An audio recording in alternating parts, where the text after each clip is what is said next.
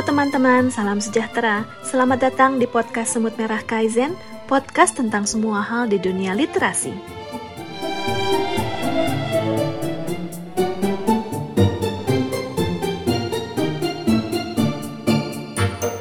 Halo semua, aku Gardin.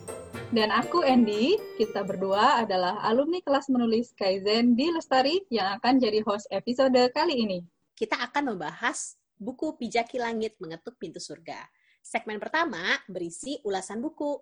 Dan segmen kedua yaitu wawancara bersama penulis buku tersebut, Novelizius. Yuk kita dengerin. Oke,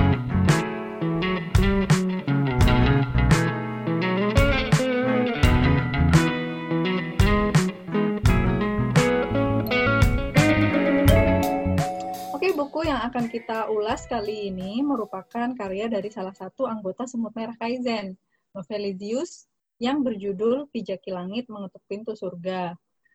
Nah, hmm, buku ini bercerita tentang apa ya, Gard?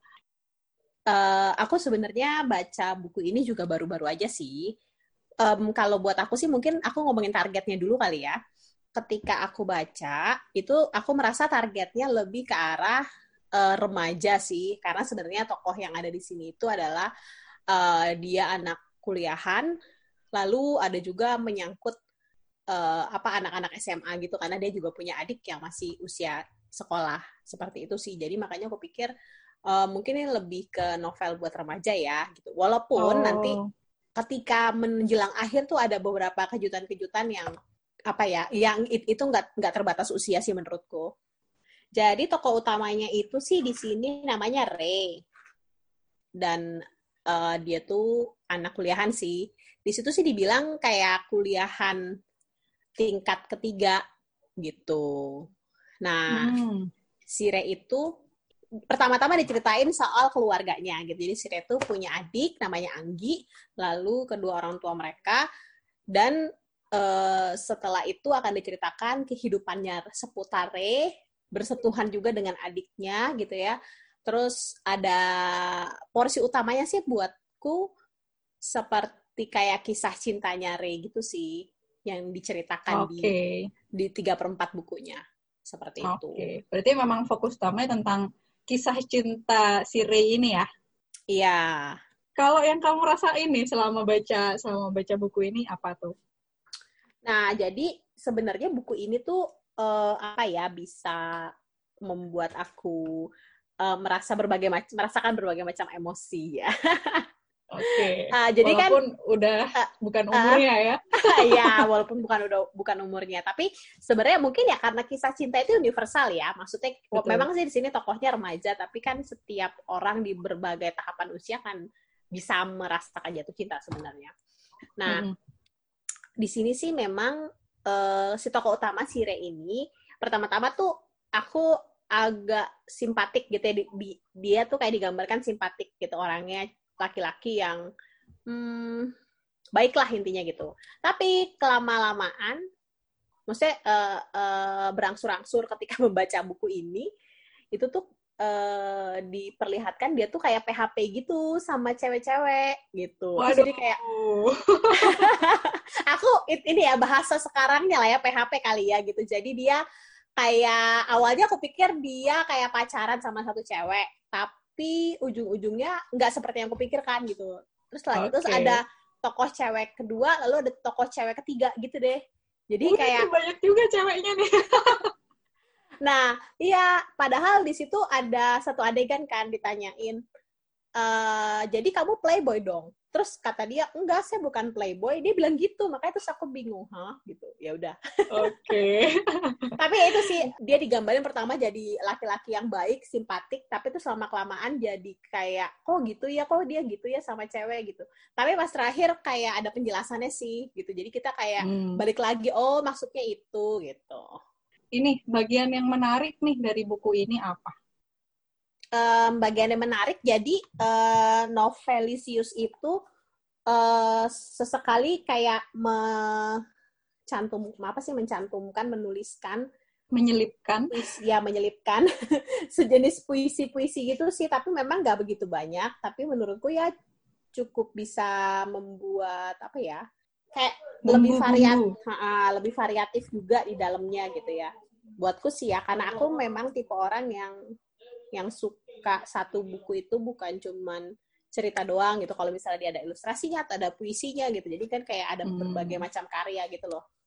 Oke okay, jadi lebih nano-nano ya? Uh-uh. nano. Ada bagian yang mengganjal nggak atau kurang gitu?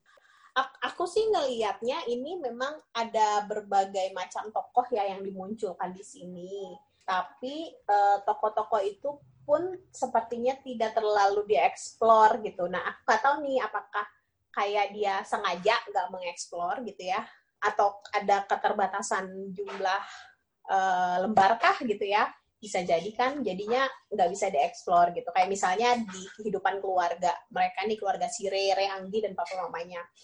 Nah, sempat disebutin kayak mamahnya seorang pelukis, papanya seorang pengusaha gitu dan ada adegan di mana menurutku adegan dia sama mamahnya itu yang bisa dieksplor lebih lanjut. Jadi jadi tahu gitu karakter mamahnya gimana karakter papanya gimana. Sedangkan ini dia hanya mengeksplor karakter Anggi dan Ray ketika aku bilang si Ray ini punya teman wanita satu dua tiga gitu itu juga nggak dieksplor ketiga-tiganya. Wanita itu seperti okay. apa gitu. Maksudnya akan lebih menarik ketika problem utama di dalam uh, cerita ini kan buatku sih kayaknya enak tuh kalau kelihatan gitu. Ray tuh orangnya gimana perempuan satu orangnya gimana perempuan dua gimana perempuan tiga gimana. Jadi kayak oh, lebih berwarna lah gitu. Tapi kan kita nggak pernah tahu ya mungkin keterbatasan yang sifatnya teknis ya yang nggak bisa nggak mm-hmm. bisa membuatnya gitu. Atau bisa juga aku tuh kayak agak mikir hmm, apa jangan-jangan mau ada kelanjutannya kah? gitu ya. Karena kayak disimpan Wah. gitu loh kayak disimpan karakternya nanti baru dieksplor lagi di buku keberapa buku keberapa itu bisa jadi kan Nah, itu itu menarik tuh, itu menarik. Coba kasih kasih ini aja deh um, kesimpulan atau pesan yang didapat setelah baca baca buku ini. Satu hal sih ya yang yang aku ingat ketika kita ngomongin soal tokoh utama, kan kita perlu bikin tokoh utama yang uh, real gitu ya. Jadi nggak yang baik terlalu baik atau jahat terlalu jahat gitu ya. Kalau buatku sih di sini si Ray ini ya dia punya kelebihan gitu. Uh, tapi ya dia juga punya kekurangan. Maksudku yang PHP itu yang menurutku kekurangan ya. Mm-hmm. tapi hmm, hmm, hmm, tapi dia kayak punya filosofi tersendiri sih mengapa dia melakukan itu gitu. Jadi kayak bukan ngasal gitu loh. Mungkin filosofinya bisa diterima orang mungkin juga enggak. Itu kan namanya filosofi ya. Jadi ya tapi dia menjalani yeah. itu. Gitu sih menurutku. Hmm cukup cukup membuat penasaran ya dari bintang 5 dapat berapa bintang nih buku ini kira-kira? Um, kalau buatku sih kayaknya tiga sih. Uh, oh, kenapa tuh? Uh, ya tadi aku bilang ya kayak aku bukan targetnya mereka kayaknya jadi aku nggak banyak hal-hal yang bisa aku merasa relevan dalam buku ini gitu kan. Hmm. Kemudian berikutnya juga mengenai tokoh sih yang tadi udah aku bilangin itu loh. Jadi aku oh, ngerasa sebenarnya ya? uh, tokohnya banyak tapi tidak terlalu dieksplor. Apalagi kalau toko-toko itu toko-toko yang penting buat Ray gitu. Misalnya kayak tadi toko ibunya, toko wanita-wanita yang penting buat Ray gitu. Paling yang dieksplor ya karakter Anggi yang adiknya yang juga orang yang berarti buat si Ray ini gitu. Oke. Okay. Sama terakhir juga bagian akhir tuh kayak kan kupikir udah selesai gitu ya. Kayak ada mm-hmm. udah-udah kayak udah ada epilog gitu loh oh penyelesaian masalahnya ini gitu kan. Tapi ternyata dia kayak bikin satu bab apa dua bab lagi yang menyatakan sesuatu yang berbeda yang memang oh. dari awal dari awal tuh nggak pernah dibangun gitu. Uh, tokoh-tokoh ini tiba-tiba ada tokoh baru semacam tapi gak, dikasih konflik baru Ah, uh, tapi kita nggak tahu itu apa makanya aku bilang tadi kan apa jangan-jangan ini mau kayak ada terusannya kah maksudnya uh, sequelnya gitu sama satu lagi sih kayak ada apa beberapa beberapa hal yang tidak dibangun dari awal gitu. Kayak misalnya kesukaan melihat langit tadi sih menurutku. Mm, uh, kayaknya yeah. kalau bisa ditambahin beberapa adegan yang di mana dia memberitahu kesukaannya tentang langit atau adegan dia melihat langit atau tempat-tempat tertentu yang dia suka untuk melihat langit bisa lebih uh, solid lagi gitu kayak uh, bahwa dia tokoh Siri uh, ini. Uh, uh, bahwa dia me menyukai langit. kalau memang itu yang mau disampaikan ya. Enaknya kita ngobrol langsung sama penulisnya ya nggak sih, Gard? Ya, kayaknya ada beberapa hal yang mau aku tanya juga sih. Hahaha.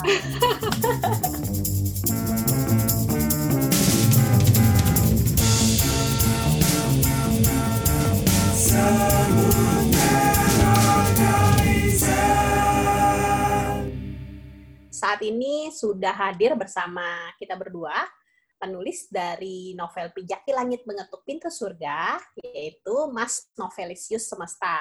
Mas Novel.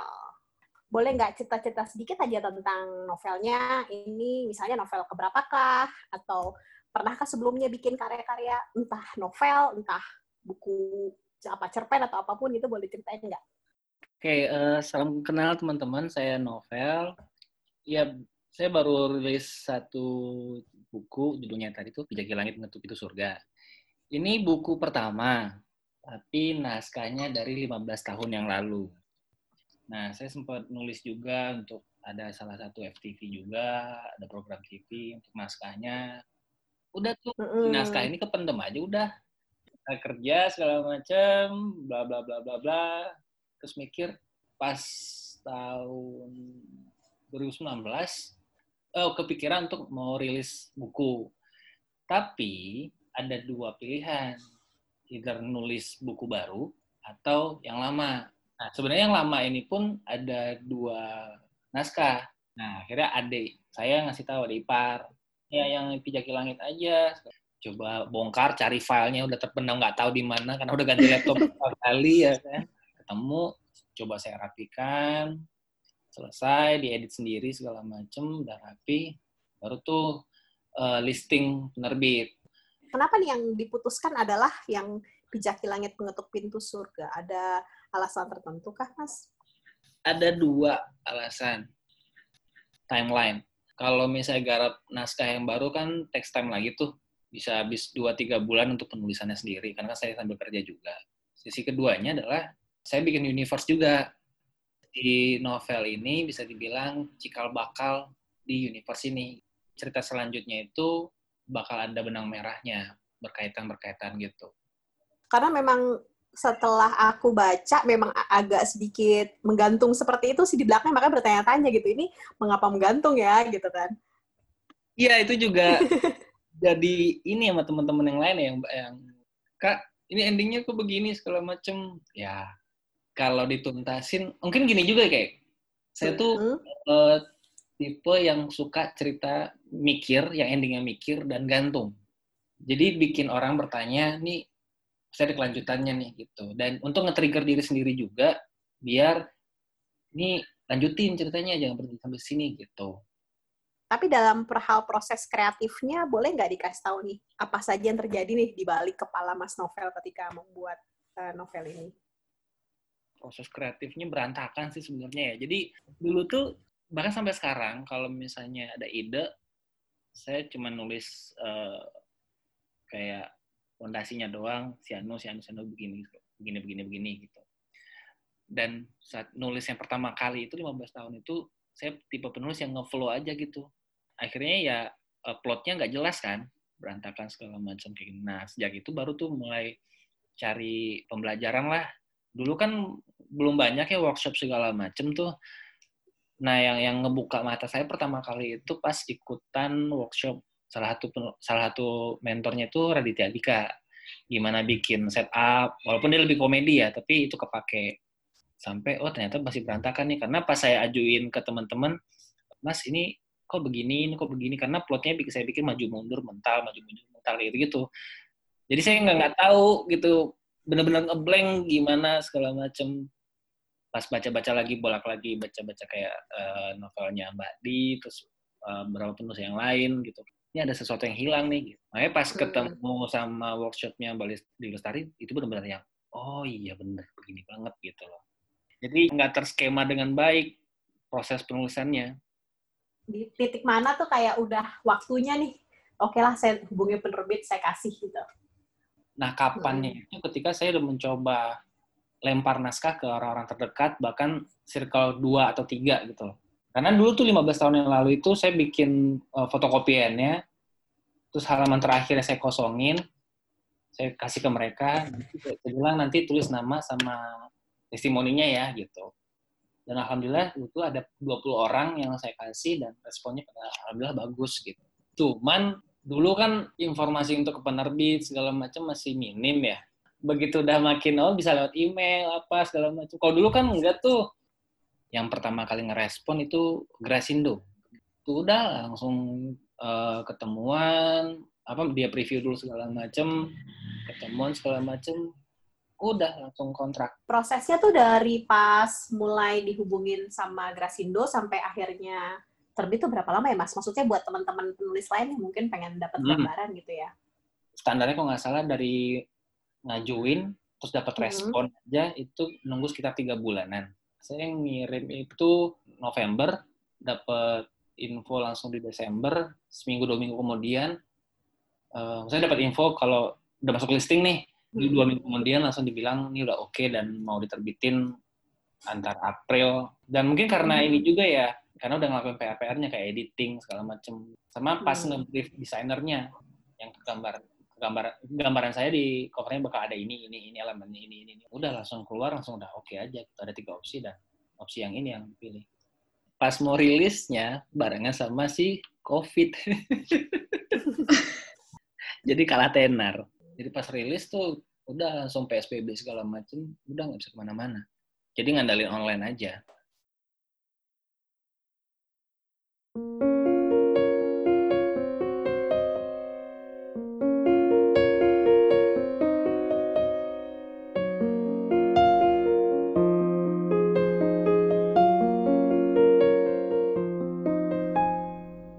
Menitipkan terang pada kelam. Malam telah memekat, memudarkan suara bising kota ini. Utara memutuskan beranjak pergi, menuruni tangga dengan pelan. Bukan karena kelam, tapi ada enggan yang bernaung di benak dan sanubarinya. Ia pun akhirnya tiba di halaman gedung. Sepeninggal utara, seseorang beranjak dari persembunyiannya Sedari tadi ia sudah ada di sana, menyaksikan seremoni kecil barusan. Pria itu berdiri di pinggir gedung. Tubuhnya cukup tinggi, namun tidak setegap utara. Ia mengenakan pakaian serba hitam dan jaket panjang hitam sepaha. Ketika tepat berada di pinggir gedung, ia menyingsingkan lengan jaket yang dikenakan. Terlihat tiga garis horizontal di lengan kiri garis bekas luka. Luka yang sengaja ditorehkan untuk mengakhiri hidup. Tapi takdir masih belum sepakat dengannya. Ia harus tetap hidup.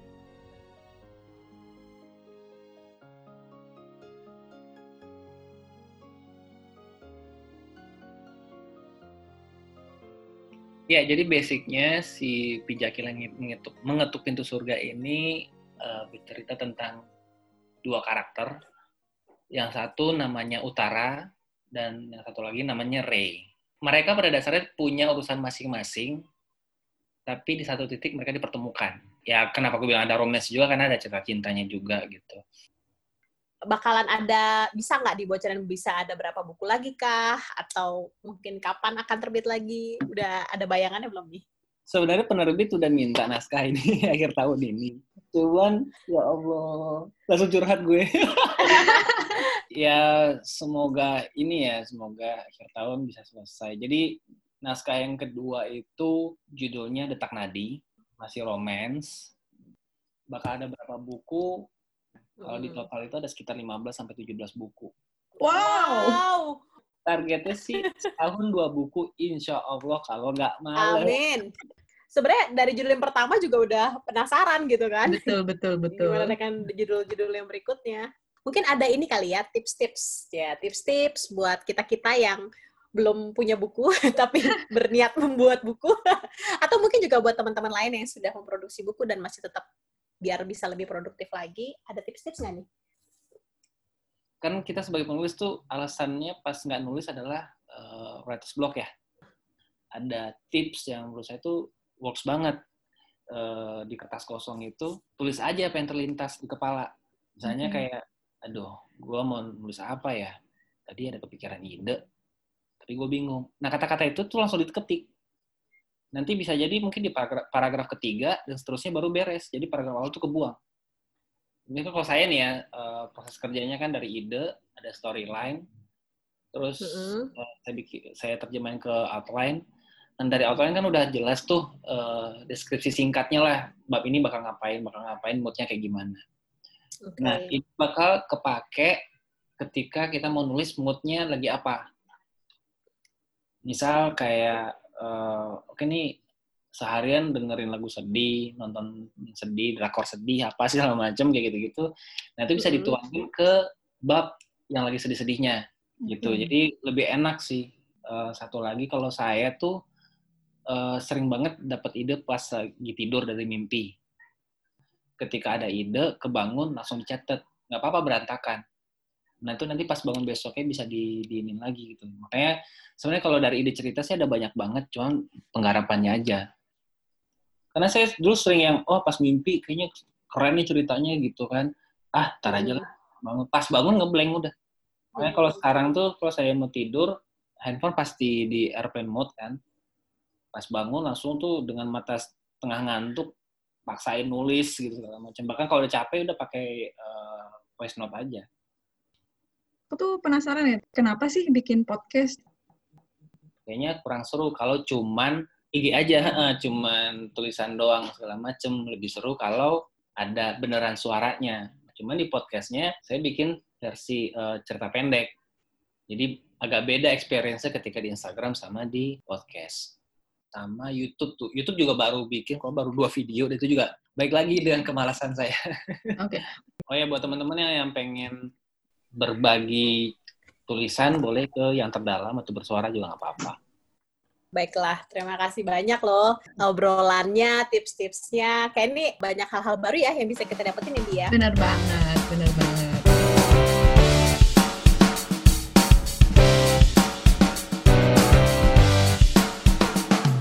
Demikian podcast Semut Merah Kaizen episode kali ini. Kami tunggu komentar dan sarannya di Instagram @semutmerahkaizen. Sampai jumpa di episode berikutnya, karena semua orang bisa menulis dan semua penulis butuh komunitas. Salam literasi.